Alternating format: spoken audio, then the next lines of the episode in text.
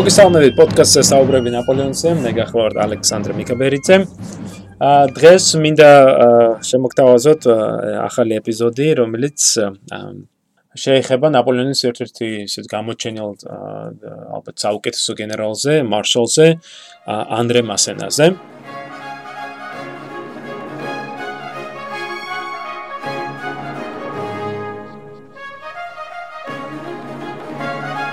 1799 წლის რევოლუციის შემდეგ ახალგაზრდა ოფიცრები შესანიშნავი პლეია დაწინაურდა საფრანგეთის არმიაში.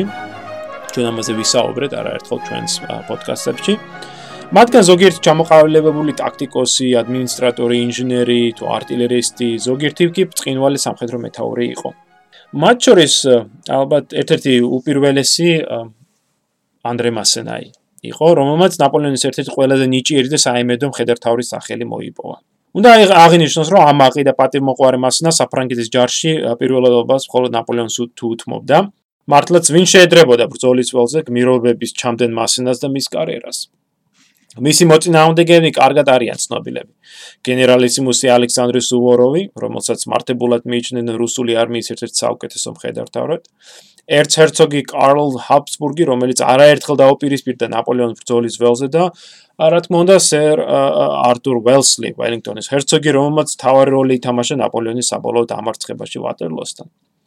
ბუნებრივია ნაპოლეონთან ბრძოლისას ყოველი მათგანი უპირისპირდებოდა მასენას, მაგრამ მათ შორის მხოლოდ ველინგტონი თუ აიამაყებს მასზე დამაჯერებელი გამარჯვების მოპოვებით. იშვიათი საბრძოლო ნიჭის გამო ევროპაში მტრებიც და კეთილის მოსურნებიც სცემდნენ პატივს მასენას. დღეს საფრანგეთში ბულვარები, ქუჩები, პარკები და სკვერები მის ტიტულებისა და გამარჯვებების სახელს ატარებენ. მასნას დიდებული ბიუსტი დღესაც ამშვენებს ველინგტონის სასახლეს დიდ ჰოლ სტრიტ პელსეიში. იტალიელთა შორის ყველაზე გაკეკილი, როგორც ზოგიერთი თანამედროვე ახასიათებდა მასენას, დაიბადა 1758 წლის 6 მაისს ქალაქ ნიცაში, რომელიც მაშინ იტალიური საგრაფოში შედიოდა. მასენას სიღარიბეში იზრდებოდა. 1764 წელს მამის გარდაცვალების შემდეგ მან ვეღარ შეძლო სკოლაში სიარული და სათანადო განათლების მიღება. როდესაც დედამისი ხელმეორე დაქორწინდა, პატარა მასენა საცხოვრებლად ბიძასთან მარსელ მასენასთან გაგზავნეს.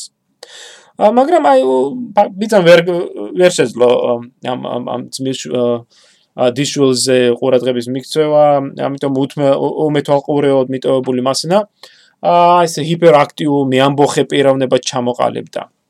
ადრეულ ასაკშივე შეუერდა ასე ვთქვათ ქუჩის ბიჭებს.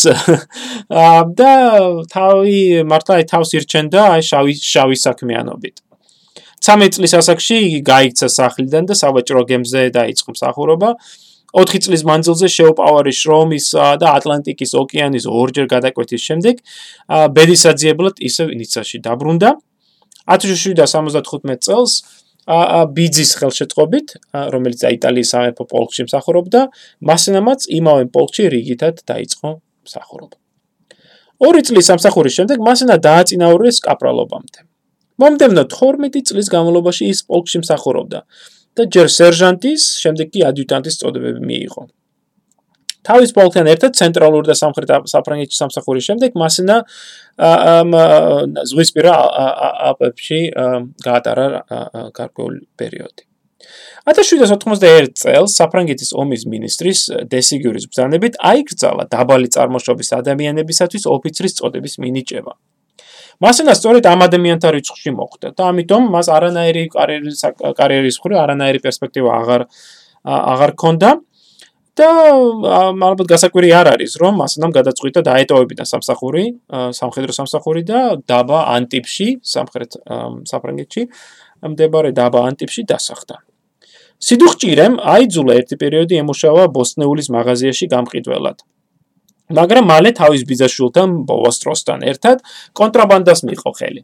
სწორედ ამ პერიოდში მასენა დაუახლოვდა ასე შავ სამყაროს და არაერთხელ დადიოდა იტალიის სანაპიროს თუ მთიანი რეგიონებში ამ კონტრაბანდის გადასაზიდად. სწორედ ამ პერიოდში ზედმიწევნის შეისწავლა მან იტალიის ჭრდილო და ჭრდილო-დასავლეთ იტალიის ტოპოგრაფია და ბუნებრივია ის ვერც კი წარმოიდგენდა ამ პერიოდში, რომ მომოვალში სწორედ აქ მოუწევდა საბრძოლო ოპერაციების წარმოება და აი ამ კონტრაბანდისტობის დროს მოგვებული ცოდნა გამოადგებოდა. ამ ბიზნესი აშკარად სარფიანი გამოდგა, რადგან მან შეძლო დაქორწინება მარი როზალი ლამარზე, მარი როზალი იყო ადგილობრივი ქირურგის ქალიშვილი და ოჯახმა მას საკმაოდ დიდარი ვიზიტვები გამოაყოლა, რითაც მასინამ მეტნაკლებად განიმტკიცა თავის სოციალური ეკონომიკური მდგომარეობა. და 1799 წლისათვის მასენა ცხოვრობდა დაბა ანტიპში, სადაც აი ზეითუნის ზეთის და ხილის ვაჭრობით იყო დაკავებული. რა თქმა უნდა 1700 სმენელმა იცის ხომ რომ 1799 წელს საფრანგეთში რევოლუცია დაიწყო.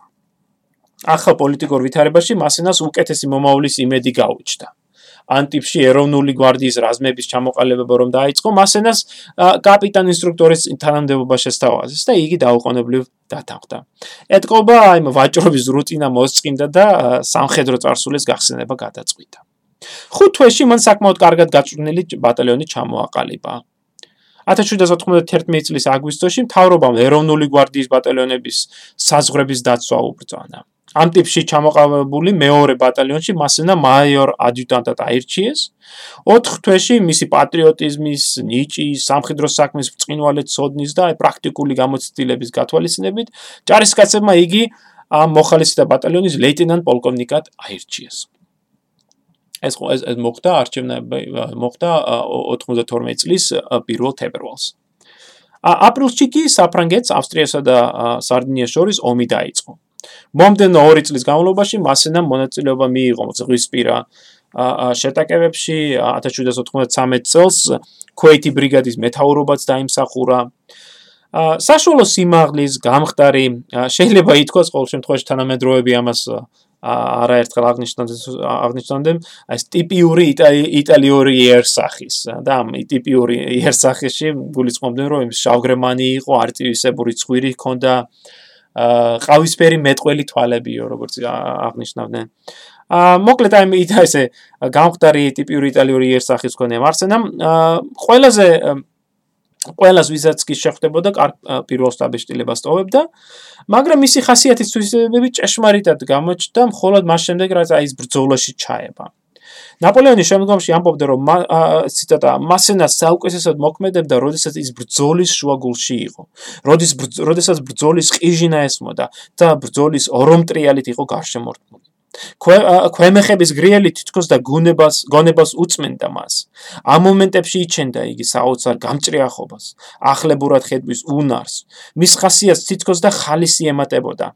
გაჩაღებულ ბრძოლაში, როდესაც ათასობით ტყვია სერავდა ჰაერს და მის ირგვლივ ჯარისკაცები ეცემოდნენ დაჭრილებით უნკრები, მასენა მუდამ შვიდად და საზრიანად იძლეოდა ბრძანებებსო. ამბობდა ნაპოლეონი. სამხრეთ საფრანგეთში გაჩაღებული პირველივე კამპანიაში მასენა მართლაც რომ აი დილიდან საღამომდე ცხენზე ამხედრებული დაუღალავად შრომობდა რისთვისაც 22 აგვისტოს ბრიგადის გენერლის წოდება მიენიჭა, ანუ ფაქტურად გენერალი გახდა. იმავე წლის დეკემბერში მასენა ბრიგა მასენას ბრიგადა გაიგზავნა ქალაქ ტულონის ალყაში მონაწილეობის მისაღებად. ჩვენ ვისაუბრეთ ამ ალყაზე, ხომ? სწორედ აქ მოიხვეჭა სახელი ახალგაზრდა გენერალმა ნაპოლეონმა ბონაპარტმა. ტულონთან ყოფნისას 93 წლის დეკემბერში, როდესაც უკვე ქალაქი აღებული იქნა, მასინა კლავ დააწინაურდა და მას უკვე დივიზიის გენერლობა მიენიჭა. ქალაქის აღების შემდეგ, ტულონის აღების შემდეგ კი მასენა ტულონის კომენდანტიც კი გახდა. მაგრამ აქ ტულონში მან მხოლოდ 3 კვირა გაატარა, რადგან 94 წლის იანვარში მას იტალიის არმიის მარჯვენა ფრთის უფროსობა დაევალა. ანუ ხედავ თუ რამდენად სწრაფად დაწინაურდა ხომ მასენა ომის დაწყების რევოლუციის დაწყებისას მას აქვს ეს სერჟანტის წოდება 99 წელს, ხოლო 94 წლის იანვრისთვის ის უკვე დივიზიის გენერალი არის. ამ 94 წელს 14 წელს მასინა მონაწილეობა მიიღო პიემონტის საზღვრებთან განვითარებულ სამხედრო მოქმედებებში. კვლავ გამოიჩინა საჭირო სამხედრო ალღო, ხელთიგდო ინიციატივა შეუტია სარდინელებს და სექტემბერში დაიკავა კიდევაც რამოდენიმე მნიშვნელოვანი ადგილი, მათ შორის კაირო და დეგო. მაგრამ მალე დეკემბერში ავადმყოფობის გამო იძულებული გახდა თანამდებობიდან გადამდგარიყო. სამხედრო სამსახურს მასინა მომნოვალ წლის 95 წლის აპრილში დაუბრუნდა. იგი იტალიის არმიის პირველ დივიზიის მეთაური გახდა. ზაფხულში მან მონაწილეობა მიიღო ავსტრიელთა და სარდინიელთა წინააღმდეგ ახალ სამხედრო მოქმედებებში და კვლავ გამოიჩინა თავი ამჯერად გადამწვისეთ მნიშვნელოვან ბრძოლებში, როგორც იყო ლოანოსთან ბრძოლა. 94 96 წლის გაზაფხულზე იტალიის არმიას ახალი მეთაური გაუჩნდა, ხო, ნაპოლეონ ბონაპარტი. რომელმაც მასინას ჯარის ავანგარდი ჩააბარა. ანუ ამ დროისათვის ნაპოლეონმა უკვე კარგად იცოდა მასინა შესახებ, ხო ტულონთან გაიცნის ისინი ერთმანეთი. 94 წლის კამპანიის გეგმის ერთ-ერთი ავტორი თვით ნაპოლეონი იყო, ასე რომ მან შეძლო თვალი გაედევნებინა ნაპასენასთვის და აი ახლა 96 წელს შესაძფერისად შეაფასა კიდევაც და ავანგარდი ჩააბარა მასენას. ავსტრიელებზეც პირველი ერიშის პატივი სწორედ მასენას ერკო. მომდენო 1 წლის განმავლობაში მასენამ თავი გამოიჩინა ეგრეთ წოდებული პირველი იტალიური კამპანიის უამრავ ბრძოლებში, მათ შორის მონტენოტესთან, დეგოსთან, კერასკოსთან, ლოდისთან, ლონატოსთან, კასტილიონესთან, ბასანოსთან, სენ-ჟორჟისთან, კალდიერესთან, არკოლესთან და ასე შემდეგ. ამ ხრევ აღსანიშნავია რივოლის ბრძოლა, რომელიც მოხდა 97 წლის ხომ იანვარში, რომელსაც შემდგომში ნაპოლეონმა ბასნას სწორედ რივოლის hercogs წოდება უბოცა. 97 წლის 5 მარტს მასენა პირველი დივიზიის მეთაური გახდა იტალიის არმიაში და მონაწილეობა მიიღო ხომ არაერთ სამხედრო ამ სამხედრო შეტაკებაში და გამოიჩინა ეს მართლაც რომ დიდი სამხედრო ნიჭი, მოხერხებულობა და აი ბონაპარტის ვარსკვლავისებური აღზევებასთან ერთად ცის თაღზე ასე რომ ვთქვა მასენას ვარსკვლავიც ამობწყინდა. მაგრამ აქვე ისიც უნდა აღვნიშნოთ, რომ იტალიურმა კამპანიამ მასენას ხასიათის სხვა თვისებებიც წარმოაჩინა. მასენა არაერთხელ იყო შემჩნეული დაკავებული სოფლებსა და დაბებში ნადავლის მithვისებაში. ისე რომ იტალიური კამპანიის დასასრულს იგი საკმაოდ დიდი ქონების პატრონი გამოდგა. ზოგჯერ კარგი დროების ტარების სურვილი მასენას რთულ მდგომარეობაში წაგდებდა. მაგალითად 96 წლის აზაფხულზე დაბა ქაიროსთან შეტაკების შემდეგ მასენამ შეიტყო ტყვეებისგან რომ მოწინააღმდეგის მოფიცრები თურმე შესანიშნავ შესანიშნავ ვახშამს ეახლებოდნენ, როდესაც ფრანგებმა შემოტევა წამოიწყოს. ავსტრიელებმა გაქცევით უშულეს თავს, მაგრამ ვახშანი ვახშამი ჯერ კიდევ ადგილზევე იყო სამი კითნოში მიტოვებული. ამდენ საჭმელს ტყუილად ხომ არ გავაფუჭებთო, გაიფიქრა ალბათ ასენამ და იმ ტერზე დადევნების ნაცვლად თავის ოფიცრებთან ერთად საქეიფო წავიდა. ამასობაში ავსტრიელებმა შეძლეს ზალების მოკრეფა და დილით კონტრშეტევაზე გადმოვიდნენ. მასენა იმდენად მომზადებული აღმოჩნდა, რომ სოფლიდან ძლივს გააღწია, თუმცა მან შეძლო ზალების მოკრეფა და ავსტრიელთა შეტევის დროული შეჩერება. გენერალმა ბონაპარტმა მალევე შეიტყო ამ ამ ამ შემთხვევის შესახებ და გაკიცხა კიდევაც მასენა. მაგრამ ამავე დროს სამხედრო ტრიბუნალში არ გადაუცია. ნაწილობრივ იმიტომ რომ აფასებდა მასენას ნაერ ნიჭიერ ადამიანს და ნაწილობრივ იმიტომ რომ მასნამ წინვალეთ იბრძოლა მონტენოტესთან, სადაც ბონაპარტმა თავისი პირველი მნიშვნელოვანი გამარჯვება მოიპოვა. მაგრამ აი ნაპოლეონსა და მასენას შორის რთული ურთიერთობა ჩამოყალიბდა. მონტენოტესთან, ლოდისთან, კასტილიონესთან, არკოლასთან ბრძოლებში მასენა გასაოცარი სიმხნევით და შემართებით იბრძოდა და აშკარა იყო ყველასათვის რომ ის ერთ-ერთი ერთ-ერთი საუკეთესო გენერალი იყო.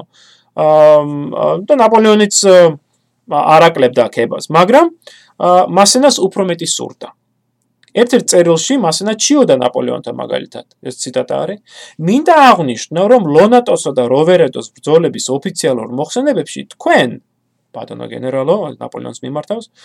საკმარისად არ აღნიშნეთ ჩემს ჩემი დამსახურებები. ასეთი გულმავიწყობა მეტად მტკენს გულს და იმედს მიცრუებს მინდა შეგახსენოთ რომ სან ჯორჯიოსთან გამარჯვება სწორედ ჩემი ჩანაფიქრის ჩემი შემართებისა და ჩემი წინდახედულობის შედეგი იყო. ახლა ბუნებრივია ბუნებრივია ზედათ არებრიანებოდა ასეთი წერილების მიღება მაგრამ მას ისიც ესმოდა რომ მასენასნაირი ნიჭიერი მხედართავარი სხვა ნამდვილად არ ყავდა და საჭირო იყო მასთან საერთო ენის გამონახვა. ამის მაგალითია 97 წლის ადრეული გაზაფხულის მოვლენები. იანვარში ნაპოლეონმა მოიპოვა ბრწყინვალე გამარჯვება რივოლისთან. მასენამ დიდი როლი ითამაშა ამ ბრძოლაში და პარიზში გაგზავნილ თავის მიმართვებში ნაპოლეონი განსაკუთრებით ხოტბას ასხავდა მას, აღნიშნავდა მასენას ციტატა მხნეობას და საბრძოლო ნიჭს, როგორც ბრწყინვალე გამარჯვებების განმაპირობებელ ფაქტორსო. უფრო მეტიც, ნაპოლეონმა მასენა გამარჯვების საყვარელი შვილი უწოდა და ავსტრიასთან საზავო მოლაპარაკებების დაწყების ცნობის პარიზში ჩატანის პატივი სწორედ მას არგო. აი სწორედ ასე აღმოჩნდა მასენა პირველად საფრანგეთის დედაქალაქში. ამავე დროს აცს უნდა დავიწყოთ რომ მასენის გაგზავნით მან ფაქტიბრიულად ნაპოლეონმა თავიდან მოიშორა ეს ეს გენერალი. რაც მეტად აღსანიშნავია, ხო? ერთის ხრივ აფასებს, იცის რამდენად ნიჭიერი და წარმატებული გენერალია, მაგრამ მეორე ხრივ ისიც იცის, რომ მასნა დიდი პრობლემების შექმნა შეუძლია. სწორედ ამიტომ არის, რომ 98 წელს ეგვიპტეში ლაშქრობისას ნაპოლეონმა არ წაიყვანა მასენათან. მასენა საფრანგეთში დარჩა. ამ მართალია უსაკმოდ ის დიდი ხანს არ დარჩენილა. ა მას მალევე მნიშვნელოვანი მისია დააკისრეს. იგი რომის პაპის წინააღმდეგ გაგზავნილი ჯარის მხედართავრად დაინიშნა და რომის აღება დაავალეს. ამ თანამდებობაზე მასნა მეტად მცირე ხანი დაყო. ახალ არმიაში ჩასულ მასნას რთული ვითარება დახვდა. ბევრმა ოფიცერმა და რიგითმა ჯარისკაცმა ძარცვასა და ფლანგოს მიიღო ყელი. სათავეში მოსვლისას მასნამ სადა დისციპლინის აღდგენა დაიწყო ეს ძარცვა გლეჯისათვის კაცრის ასჯელის დაწესება, მაგრამ ამით ჯარში კიდევ უფრო დიდი უკმაყოფილება გამოიწვია. მასენას ხომ ნამდვილად არ გააჩნდა საკმარისი სახელი ან რეპუტაცია, რომ ჯარში არსებული პრობლემები ასე ასე ამზომებით აღეკვეთა. როდესაც მან ჯარცოგლიჯის აკრძალვა სადა ჯარისკაცებმა მას წარსული გაუხსენეს. წყოშურის წერილიც კი დამიწერეს. და ამ წერილის ნაწილი არის ციტატა მინდა მოვიყვანო. ჩვენ არ დაგვაიწყდა ის გამოძალვები, ის ყაჩაღობები, რომლიც თქვენ ჩაიდინეთო. ვენეციის გაძარცული სოფლები და დაბები, განსაკუთრებით კი პადუა, მასენას უზნეობის ნათელი მაგალითებიაო, წერდნენ ეს ჯარისკაცები. ამრეა ჯარისკაცების აზრით, მასენამ რომ ძარცვა და შეირგო ნადავლი, ეხლა სწორედ მათი რიგი იყო, ასე რომ მას არ შეეძლო მათთვის ამის აკრძალვა. მასენა მიხვდა რომ რომში მას არ დაედგომებოდა და მალევე გადადგა თანამდებობიდან და საფრანგეთში დაბრუნდა. თავდაპირველად იგი მშობლიურ ანტიპში დაბრუნდა, სადაც რამდენიმე თვე დაისვენა.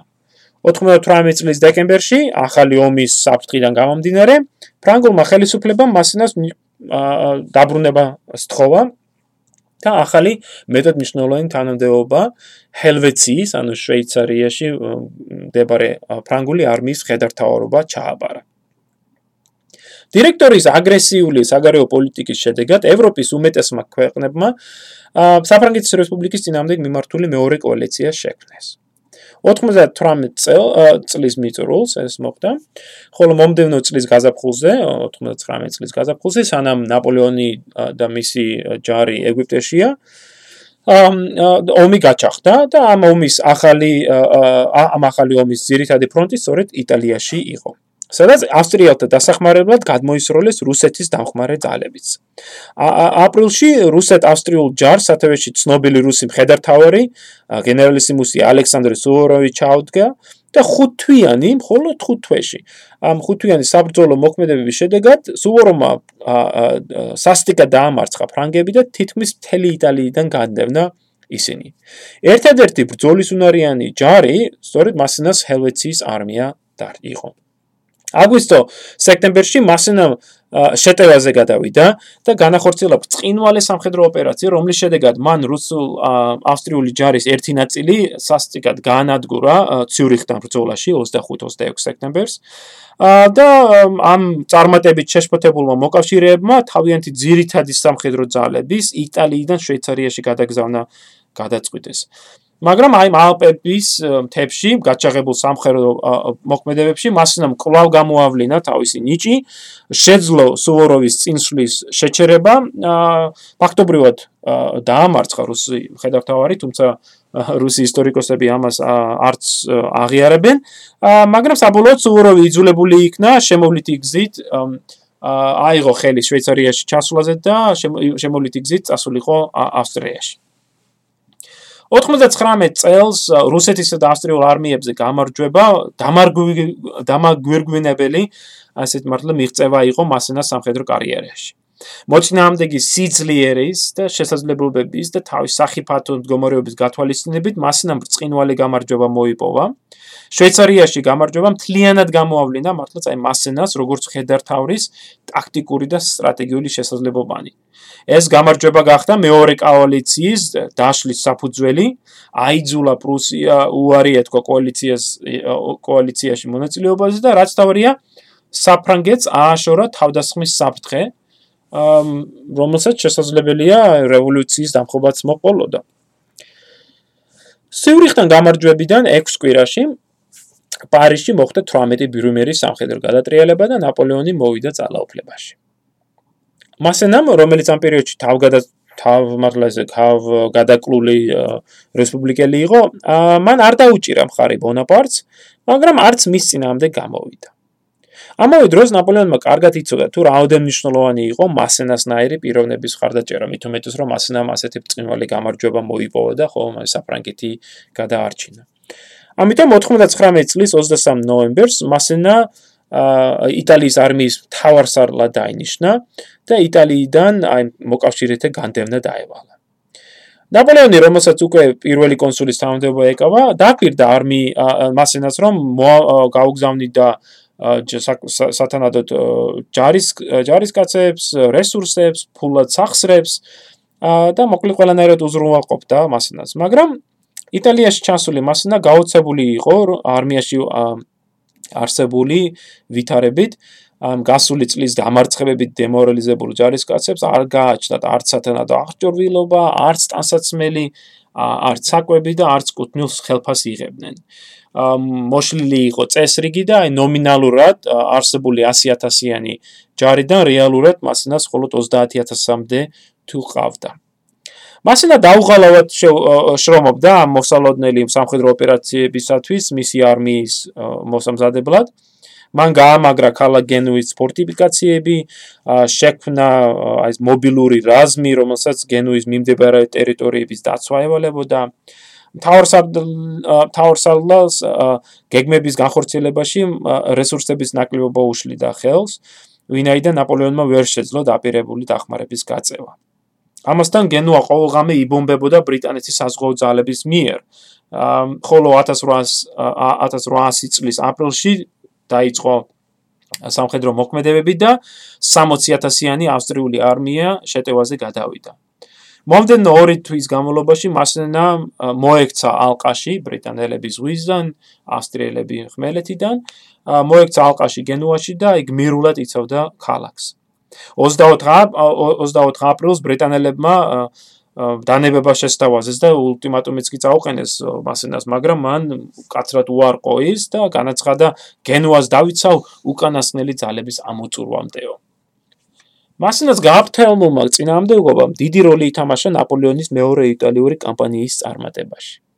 გაზაფხულის განმავლობაში ავსტრიელთა ძირითადი ძალები სწორედ გენუასთან იყვნენ განლაგებული. რამაც ნაპოლეონს საშუალება მისცა დაესრულებინა ახალი ჯარის მობილიზება დიჟონთან.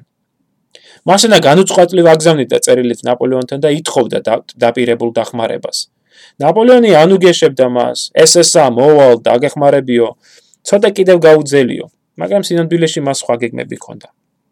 მაისის შუა რიცხვებში ნაპოლეონმა გადაკვეთა სენბერნარის უღელტეხილი და ავსტრიელებს ავსტრიელებს ზურგიდან ხო შეუტია.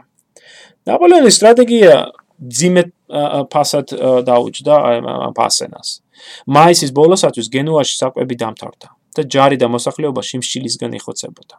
ყოველ დღე ჯარისკაცების რაციონებად ურიგდებოდა ჯარისკაცებს რაციონებად აძლევდნენ 100 გრამ დამპალ ცხენის ხორცს და ამდენივე გრამს, დაახლოებით 100 გრამს პურს, თუმცა რთულია პური უწოდოთ იმ ნაზავს, რასაც ფრანგი ჯარისკაცები ჭამდნენ. ამ პურში შედიოდა ცოტაოდენი ფქვილი, კარგაბლომად ნახერხი, სახამებელი და თმის პუდრი, რომელსაც ზედ ამატებდნენ კაკაოს, რათა ეს აუტანელი გემო დაეფარათ.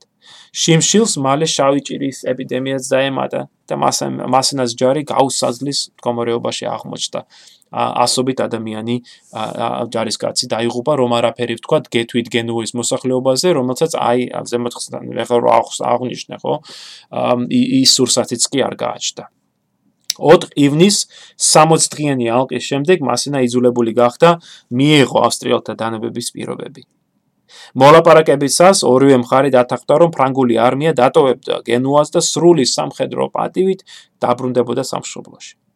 მასენამ მიუხედავად იმისა, რომ მართლა გამოუვალ მდგომარეობაში იყო, მასენამ ა მართლა ესე ძლიერი პოზიციებიდან დაიწყო საუბარი და გააფრთხილა კიდევ ავსტრიელები, რომ თუ დანებების საბუთებში სიტყვა კაპიტულაცია იქნებოდა სადმე ნახსენები, იგი დაარღვევდა ამ ამ შეთანხმებას, განაახლებდა ბრძოლას და ქალაქში ქვაქვას ქვაქვაზე არ დავტოვებდა. ორი დღის შემდეგ ფრანგულმა არმიამ სრული აღჭურვილობით, დროშებით და იარაღით მარშირებით დატოვა ქალაქი და სამფრანგეთისკენ მიმოვალ გზას გაუყვა. ასეთი იყო აი მნიშვნელოვანი ალყის დასასრული, რომელიც მასენას შეუპოვრობას, სიმამაცესა და სიმტკიცეს ნათლად წარმოაჩენს. მასენასთან მიწერილ ერთ-ერთ წერილში ნაპოლეონი აღნიშნავს: ასეთ გაუსაზლის ვითარებაში შენნაირი პიროვნება 20000 ჯარისკაცის ტოლფასიაო. მარენგოსთან ავსტრიელებზე გამარჯვების შემდეგ კი ნაპოლეონი ნაპოლეონი მასენასთან მიწერილ წერილში ხას უსვავს. არ შემიძლია ჩემი შენდაბინ დომა იმაზე უკვე დავაფასო ვიდრე რესპუბლიკის პირველი არმია არმიის ხელმძღვანელობა შენ ჩაგაბარო. ამრიგად 1800 წლის ივნისში მასენა კლავ იტალიის არმიის სათავეში აღმოჩნდა. მაგრამ ცოტა ხანში ჯარში გამოვლინდა მნიშვნელოვანი ფინანსური მოუწესრიგებლობა რომელშიც მასენა და მისი დაქვემდებარებული რამდენიმე პირი აღმოჩნდა გარეული მასენას სიხარბეზე არაერთი მithkma გავრცელ, მithkma მოთქმა გავრცელდა, რის გამოც ნაპოლეონი იძულებული იყო გადაეყენებინა მასენა დაკავებული თანამდებობით. მასენამ დაბრუნდა სახლში და ფაქტურად გრძელვადიანი შეებულება აიღო. მან პარიზის დასავლეთით რუელის მიდამოებში მდიდრული სახლი შეიძინა და შემდეგი 4 წელიწადი თავის მეუღლისა და სამი შვილის გარემოცვაში გაატარა. ნაპოლეონმა მაინც განაგრძო მასენაზე ზრუნვა. 1801 წელს დააჯილდოვა საპატიო დანშნით და საპატიო ლეგიონის ორდენით. 1804 წლის 19 მაისს კი მასენა მარშლის მასენას მარშლის წოდება უბოძა.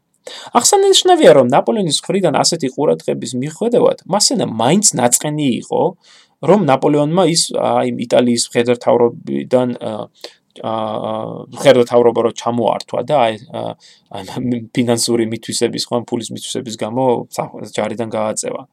როდესაც მასინას აცნობეს რომ ნაპოლეონმა მას მარშლის წოდება უბოძა, მისი პასუხი იყო: "დარმერე რა, ასეთი კიდევ 13 სხვა კაციც არისო."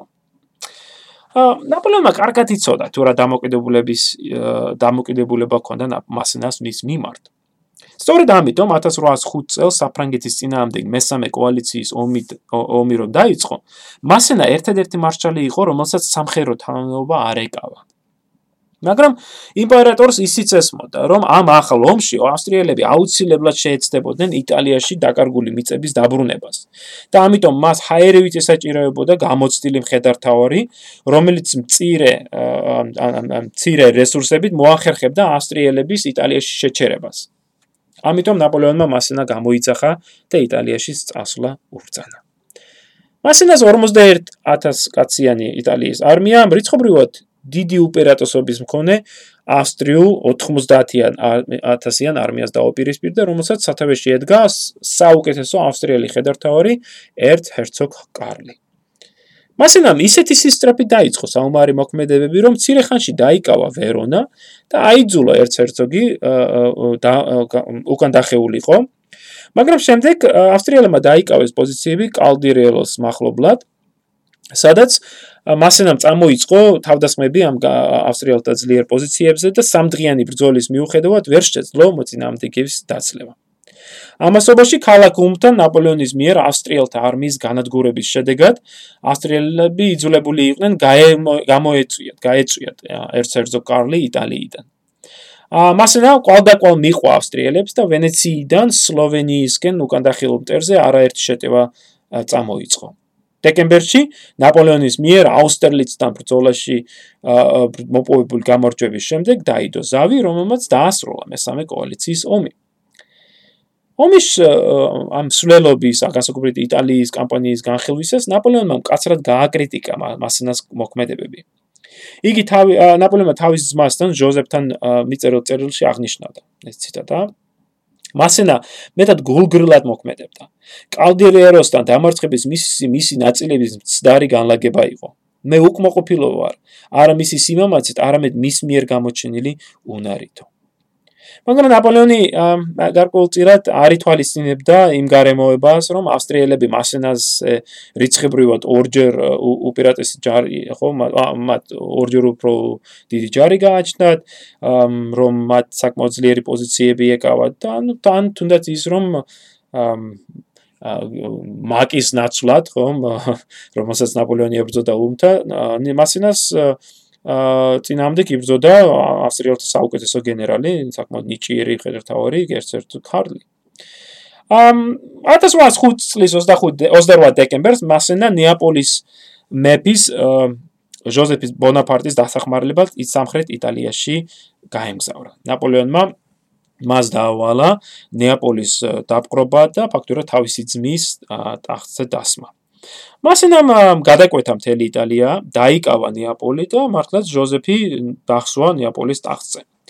ახლა მეფემ ამის შემდეგ მასენას დაავალა კალაბრიაში სახალხო აჯანყების ჩახშობა, რაც მასენამ ასევე წარმატებით რასაც ნაპოლეონმა ესე მასენამ წარმატებით გაართვა თავი, თუმცა მოსახლეობის მიმართ მან აი მართლაც დაუნდობელი სისტატიკი სისტატიკე გამოიჩინა და უკიდურესი ზომები გამოიყენა. ამ სავარაუდოდ მასენა კიდევ დიდხანს დარჩებოდა ნეაპოლში, რომ არა მისი სიხარბე. ფულის გაკეთების მიზნით მასენა დაუკავშირდა თავის ძველ კონტრაბანდისტელ მეგობრებს და შესთავაზა მათ შემოეტანათ საბაჟოს გვერდით ავლით იტალიაში სურსათი და საქონელი. ამის შედეგად მან მასენამ სულ მცირე ხანში იპოვა უზარმაზარი თანხა, დაახლოებით 3 მილიონი ფრანკი შედარებისათვის, რომ მსმენელმა კარგად იცოდეს თუ რამხელა არის ეს თანხა. ფრანკი გენერლის საშუალო წლიური ხელფასი დაახლოებით 12-15000 ფრანკი იყო, ხოლო აი მასენამ 3 მილიონი ფრანკი გააკეთა იმ წელს. ნაპოლეონმა მალევე შეიტყო მასენას თაღლითობის ამბავი და მისთვის ჭკუის სწავლება გადაწყვიტა. მასენასთან მიწერილ წერილში იმპერატორმა პირად პრობლემებზე ისაუბრა და მარშალს 1 მილიონიანი ფრანკის სესხი სწავა. ამით ნაპოლეონი ახვედრებდა მასენას რომ მან შენივრად იცოდა თუ რას ჩადიოდა ნეაპოლში და ფაქტურად მიანიშნებდა რომ გონს მოდი ხო ამ ხელაფულის გაკეთება არ არის საჭირო პატარას თუ ითაღლითებ კარგი მაგრამ ამ ხელა ამ ხელოდენობით თაღლითობა შეეშვიო საპასუხო წერილში მასენამ განაცხადა, რომ მარშლებს შორის ის ყველაზე ღარიბი იყო, რომ ასეთი დიდი ოდენობის ფული მას ნამდვილად არ გააჩნდა, რომ ის ძლივს უვლიდა თავის ოჯახსო. ნაპოლეონი განრისხებული დარჩა მასენეს ამ საქციელით. აშკარა იყო, რომ მასენა ხო აი აა სტყუდა. ამ დაზორვის მეშვეობით ნაპოლეონმა გაარკვია, რომელ იტალიურ ბანკში მალავდა მასენა თავის ფულს. გაუცხადებლად, რა თქმა უნდა. და ნაპოლეონმა დაუყოვნებლივ განაგზავნა საბანკო ინსპექცია, რომელმაც ბუნებრივი აღმოაჩინა უკანონო შენახული თანხა. ამ ინსპექტორ ინსპექციამ მე საჯეროდ მოითხოვა, რომ ამ ფულის პატრონი გამოცხადებულიყო. და ვინაიდან მასენა არ და ბუნებრივი ვერ გამოცხადდა, თლიანი ეს თანხა 3 მილიონამდე ფრანკი კანონიერად სახელმწიფო საკუთრებად გახდა, ანუ ფაქტურად ნაპოლეონის ჩაუვარდა ხელში. ამჯერად უკვე მასენა დარჩა განრისხებული და შეიძლება ითქვას, რომ მან არასოდეს აპატია ნაპოლეონს ეს ნაპოლეონს ეს აქციული. შემდგომში არაერთხელ უთქვამს ეს ციტატა მე მისთვის, ანუ ნაპოლეონისათვის ასე თავგანწირვით ვიბრძოდიო, მან კი ასე შეუბრალებლად ჩემი პატარა დანაზოგი მიითვისაო. ეს პატარა დანაზოგი მართლაც კარგი მომენტია ამ ციტატაში. 1807 წელს ნაპოლეონმა გაიწვია მასენა იტალიიდან და გარკვეულწილად ეს გადაწყვეტილება განპირობებული იყო. იმით რომ აი მასენა ეს თაღლიფობაში იყო ხო ჩარეული და ასევე ნაპოლეონის სურვილით ახლოს ყოლოთა აი ეს ეს მარშალი. იმპერატორმა მასენას მარშალ ლანის რომელიც ავად იყო ამ დროს მარშალ ლანის მეხუთე корпуსის მეთაურობა გადასცა და 1807 წლის გაზაფხულზე მასენა უკვე პოლონეთის ქალაქ ვარშავაში იყო. მაგრამ აღსანიშნავია რომ ნაპოლეონმა არ მისცა მასენა საშუალება რომ მონაწილეობა მიიღო სამხედრო მოქმედებებში. პირიქით, მასენას არც ფრიდლანდთან უბრძოლია, არც ჰაილსბერგთან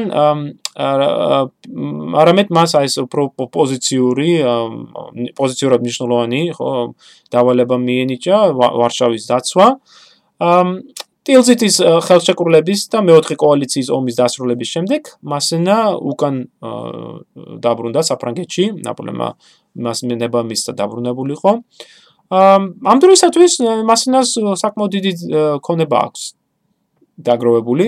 მართალია ის 3 მილიონი ფრანკი კი დაკარგა, მაგრამ კიდევ არაერთი სხვა კონტა მიწვისებული. აა რის გამოც მან შეძლო საკმაოდ ასე ფუფუნებით ეცხოვრა საფრანგეთში. შეძლო არაერთი დავის თქვა ქონების შეძენა. აა ხა ნაპოლეონმაც ერთის ხრივ ხელი შეუწყო ამას, ვინაიდან 1808 წლის მარტში მაგალითად მას ნაპოლეონმა მასენას რივოლის ჰერცოგის წოდება უბოძა. და ამ ჰერცოგოსთან ჰერცოგობასთან ერთად საკმაოდ ისე დიდარი პენსიაც დაუნიშნა. 1800 წელს ნაპოლეონი ესპანეთში შეიჭრა.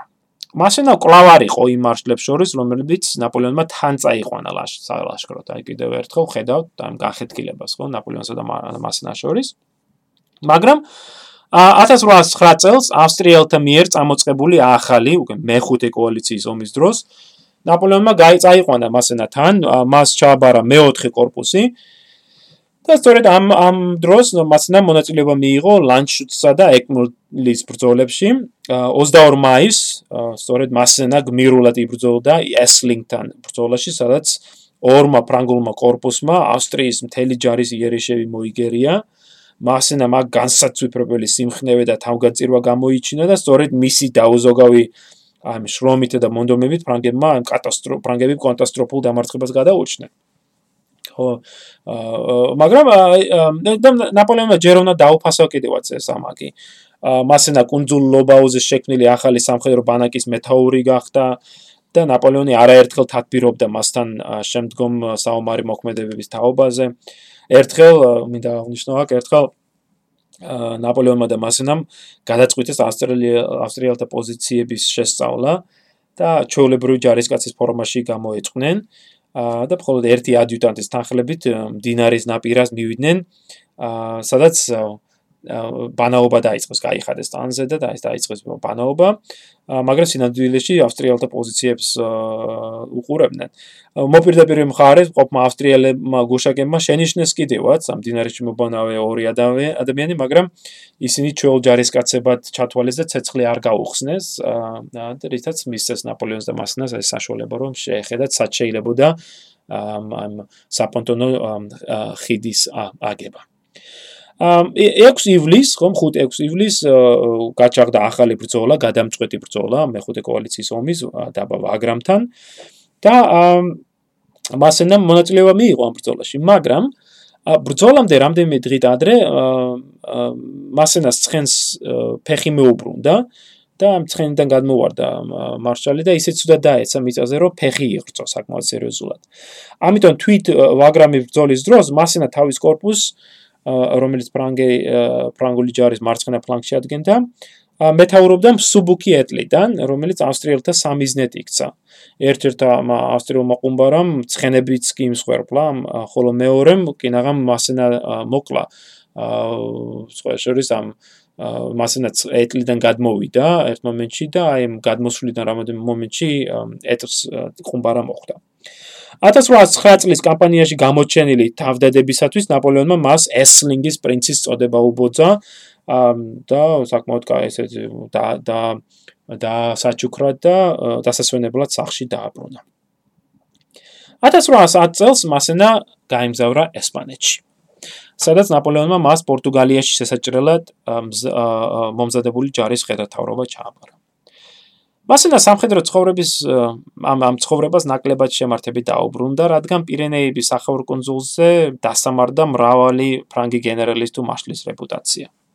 ამავე დროს მასენას არ ჰქონდა კარგი ურთიერთობა სხვა მარშლებთან და იცოდა რომ გაუჭirdებოდა მარშალ ნეისთან, განსაკუთრებით საერთო ენის მომანახვა. ნაპოლეონი ყველანაირად ცდილობდა დააიყოლიებინა მასენა. იგი დაპირდა რომ სხვა გენერლებს და მარშლებს დაუმორჩილებდა, დაუმორჩილებდა მასენას. ერთ-ერთ წერილში აღნიშნავს კიდევაც ეს ციტატა მომწონს ეს ციტატა როგორაც არ უნდა ამაყობდნენ ელჰინგისა და აბრანტეს herцоგებმა ელჰინგის herцоგი იყო ნეით, ხოლო აბრანტეს herцоგი იყო გენერალი ჟუნო. ანუ როგორაც არ უნდა ამაყობდნენ ელჰინგენისა და აპრანტეს ჰელცოგებმა, მათ კარგად იციან, რომ მათი მახვილები ვერ გაუტოლდებიან ციურიხის ბრძოლაში გამარჯვებულის მახვილსა.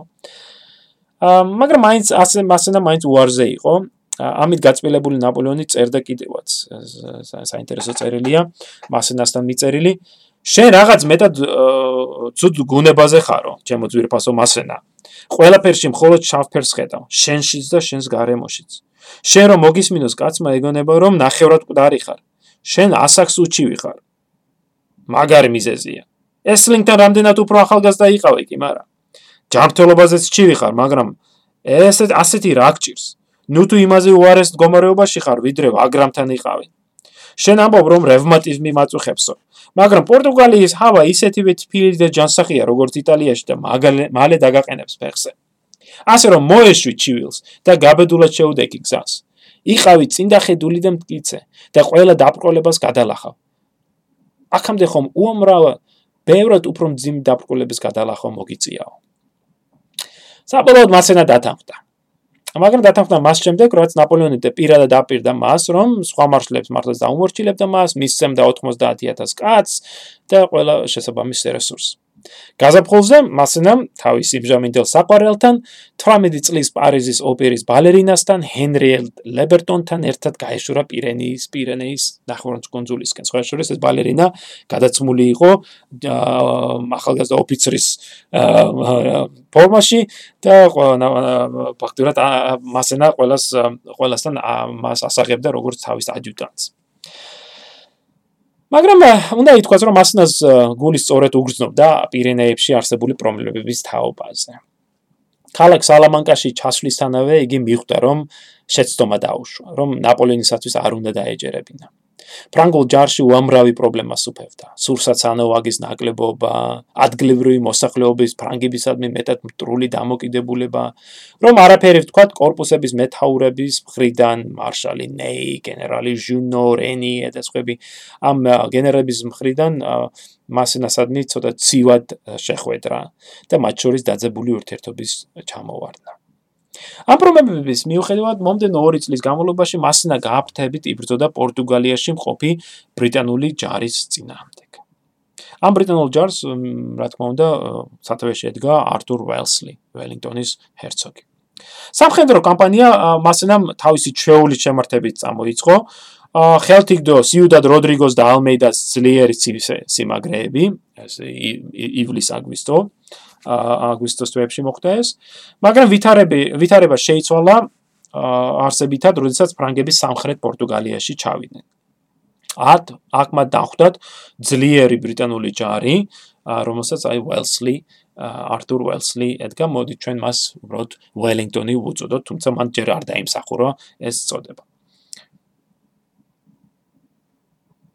ათას 27 სექტემბერს მასენა დამარცხდა ბუსაკოსთან გამართულ ბრძოლაში, მაგრამ საფლანკო მანევრით მან აიძულა ველინგტონი უკან დახეულიყო. ბრიტანელმა გენერალმა პორტუგალიის სამეფოს ტოტალური მობილიზაცია მოახდინა. სამხედრო სამსახურში გაიწვიეს ყველა მამაკაცი, დაიწყო ძირითადი გზების გრევა და რესურსების განადგურება.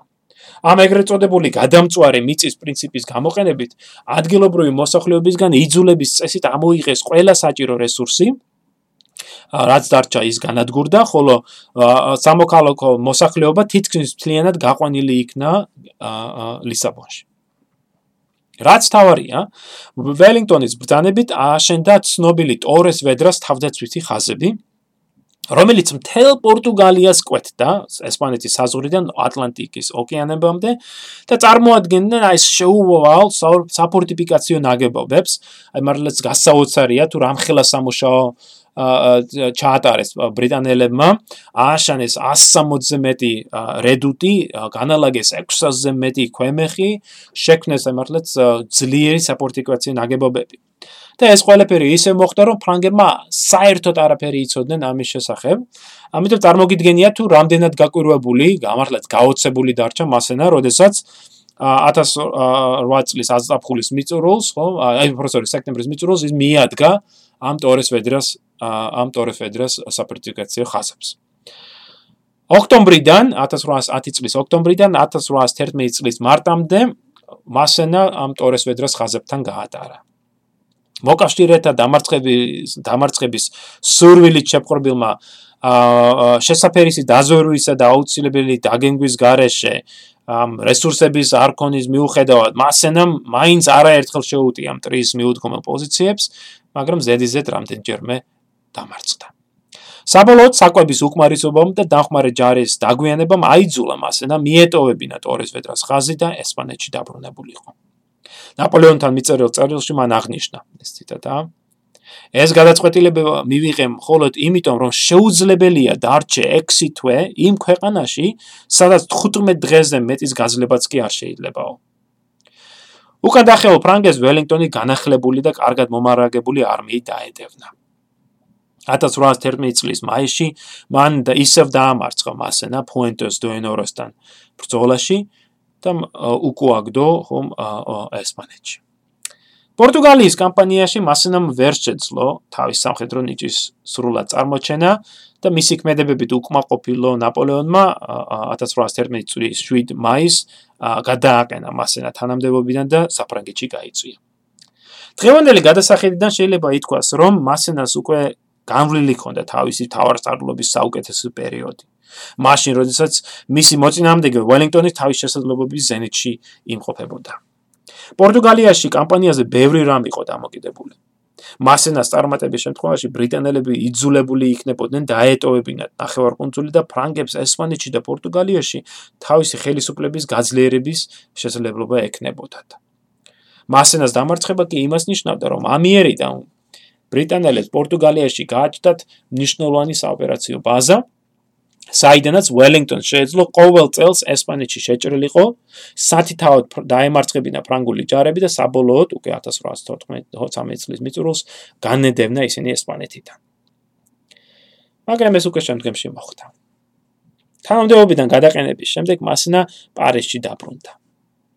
თითქმის 2 წელი მან უფრო აი პირად ცხოვრებას პირად ცხოვრებას პირად ცხოვრებას ეწეოდა.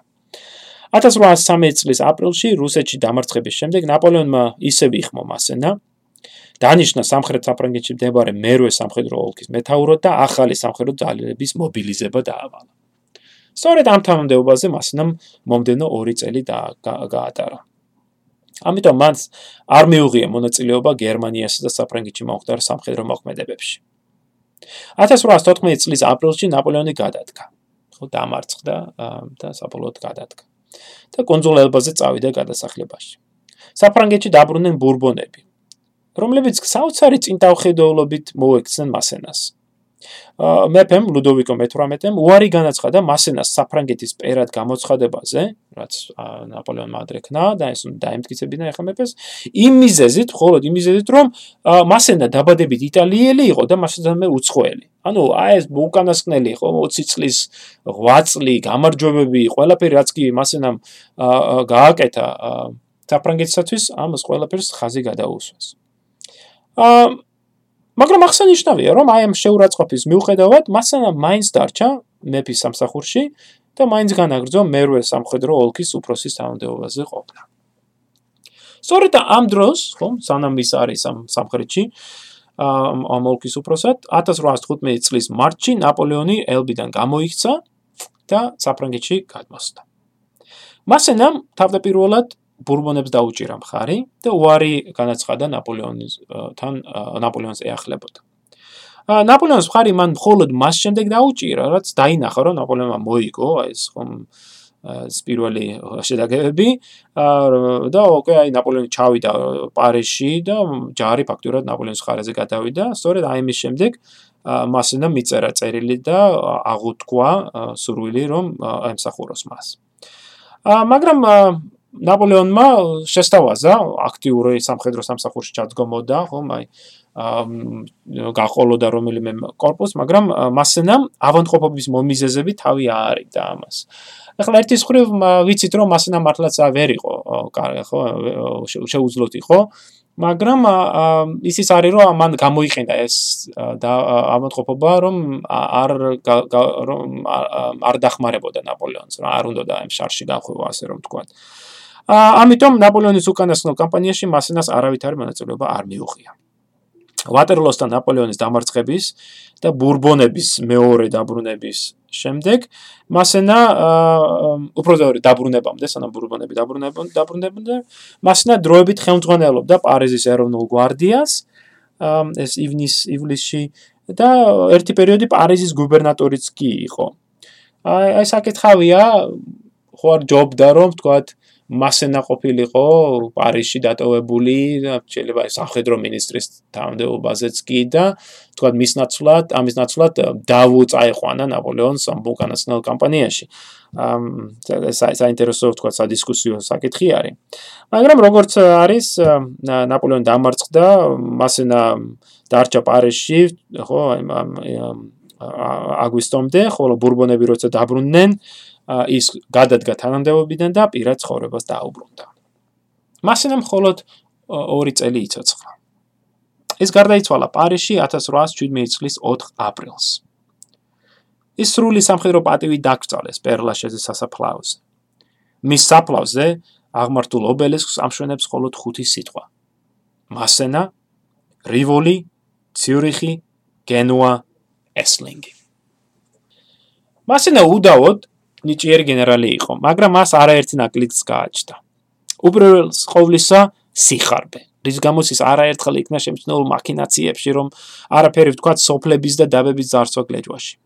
ვაგრამთან ბრძოლის შემდეგ ნაპოლეონმა განსაკუთრებით შეაქო მასენას ჯარისკაცები, რის გამოც მასენა იძულებული იყო რამენაერად დაეჯილდოვებინათ ისინი. საბოლოოდ მან გადაწყვიტა და მცირეოდე ფულადი ჯილდო მიეცა თითოეული ჯარისკაცისათვის. მაგრამ ერთ-ერთმა ოფიცერმა აღნიშნა, რომ ეს მეტად მცირე თანხა იყო და ურჩია მასენას 400 ფრანკი მაინც მიეცა თითოეულ ჯარისკაცისათვის. რაც მართალია დიდი სოლიდური თანხა იყო, დაახლოებით 400000-მდე ფრანკი გამოდიოდა, მაგრამ მასენა შეეძლო ამის ამის გადახდა. მაგრამ მასენა განრისხებული იყო ამ ამ ამ რჩევით და შეხვირა ამ ოფიცერს, ჩემი გაკვეტრება გინდა, ხო შენ აძირალავ. ამ ხელა ფული სად მაქვსო? მირჩენია ვინმე მტყვია מחალოს, ვიდრე ამ ხელა ფული გადავხარჯო. მასენა სისასტიკე და დაუნდობლობად საქვეყნო ცნობილი იყო. მალანმა შეიძლება თქვას, რომ დაუც სახელგანწმული იყო თავისი სისასტიკეთ. მაგრამ აქ უნდა აღნიშნოთ, რომ რკინის მარშლის დაუც სისასტიკე ემსახურებოდა აი წესრიგის, დისციპლინის შენარჩუნებას, როგორც ფრანგულ ჯარში, ასევე დაკავებულ ტერიტორიაზე. აი მასენა კი ნაკლებად იყო ამით დაკავებული. ის მოსახლეობის მიმართ იჩენდა საოცარ გულგრილობას. არაერთხელ როგორც აღნიშნე, იყო შემჩნეული ძარცვაგლეძვაში, რომ არაფერი ვთქვათ, იმ თუ რა გააკეთა მან პორტუგალიაში, სადაც არაერთხელ მიუცია ნებართვა ჯარისკაცების ჯგუფებისათვის წასულიყვნენ ახლო-მახლო დასახლებებში ახალგაზრდა გოგოების მოსატაცებლად. ამავე დროს, რამდენადაც დაუნდობელი იყო მასნას ხვების მიმართ, იმდენად ზრუნავი და თბილი იყო თავისი ოჯახის და მეგობრების მიმართ. მან ცხოვრების ბოლომდე შეინარჩუნა რესპუბლიკური სულისკვეთება. ნაპოლეონთან მას მართლაც რომ რთული ურთიერთობა აკავშირებდა. ნაპოლეონი იყო ალბათ ერთადერთი პიროვნება, რომლის უპირატესობას მასენა აღიარებდა. მაგრამ ამავე დროს მასენა არაერთხელ ღიად აკრიტიკებდა ნაპოლეონს. თუმცა, საქმე საქმეზე რომ მივიდოდა, არც მბლექნელობაზე ამბობდა უარს. აქ მახსენდება ერთი საინტერესო შემთხვევა, როდესაც 1800 წელს პონტენბულოსთან სასახლესთან ნადირობისას ნაპოლეონ ნაპოლეონის მიერ გასრულმა ტყვიამ მასენას ტყვიამ მასენას მოხვდა და ცალი თვალი დააბრმავა ის. მასენა ხეთა რომ ისგენი არა გამწერებულია ხო აა მასენა ეს ხელზე თვალი ნახოს ისყლი მოზდის ხელი აქვს აფარებული ამ თვალზე და გაყვირის ვინ მესროლა ვინ მესროლა ხო და ბოლოს ვიღაცამ გაუჩაურჩურჩულა რომ იმპერატორმა ქნა ეს ესო. და მასენა მიხვდა ახლა ნაპოლეონს ვერაფერს ვერ დააკლებდა და ამიტომ მასენა მიუტრიალდა ნაპოლეონს გაუცინა და ნაპოლეონზე რაც კი რისხვა ხო რაც კი სიბროზე ქონდა ყველაფერი მარშალ ბერტიას დაატეხა. შენ მესროლეო ხო? და მოკლედ აუგის სიტყვებით მოიხსენია იგი. მაგრამ აი ბევრი ნაკლის მიუხედავად მასენა მაინც მუდამ გვემახსოვრება როგორც საფრანგეთის ერთ-ერთი საუკეთესო მხედართავარი. ნაპოლეონმაც ველინგტონმაც საკადრისად შეაფასეს მისი ნიჭი და ღვაწლი წმინდა ელენეს კონძულზე ყოფნისას იმპერატორმა აღნიშნა რომ მის გენერლებს შორის მასენა უდავოდ უპირველესი იყო საუკეთესო იყო. მაგრამ იქვე დაამატა რომ ყველაზე მეტი პრობლემა სწორედ მასენამ შემექნაო მასენას არასოდეს მიუღია განათლება. არასოდეს შეუსწავლია სამხედრო თეორია. ცხოვრების ბოლომდე საკმაოდ ცუდად წერდა და კითხულობდა, მაგრამ ის დაბადებით მხედართავარი იყო. გამოირჩეოდა შესანიშნავი ალღუთი, განსაცვიფრებელი შემართებითა და ვაშკაცობით. ნაპოლეონის თქმის არ იყოს, მასენა ჭეშმარიტად იყო გამარჯვების საყვარელი შვილი.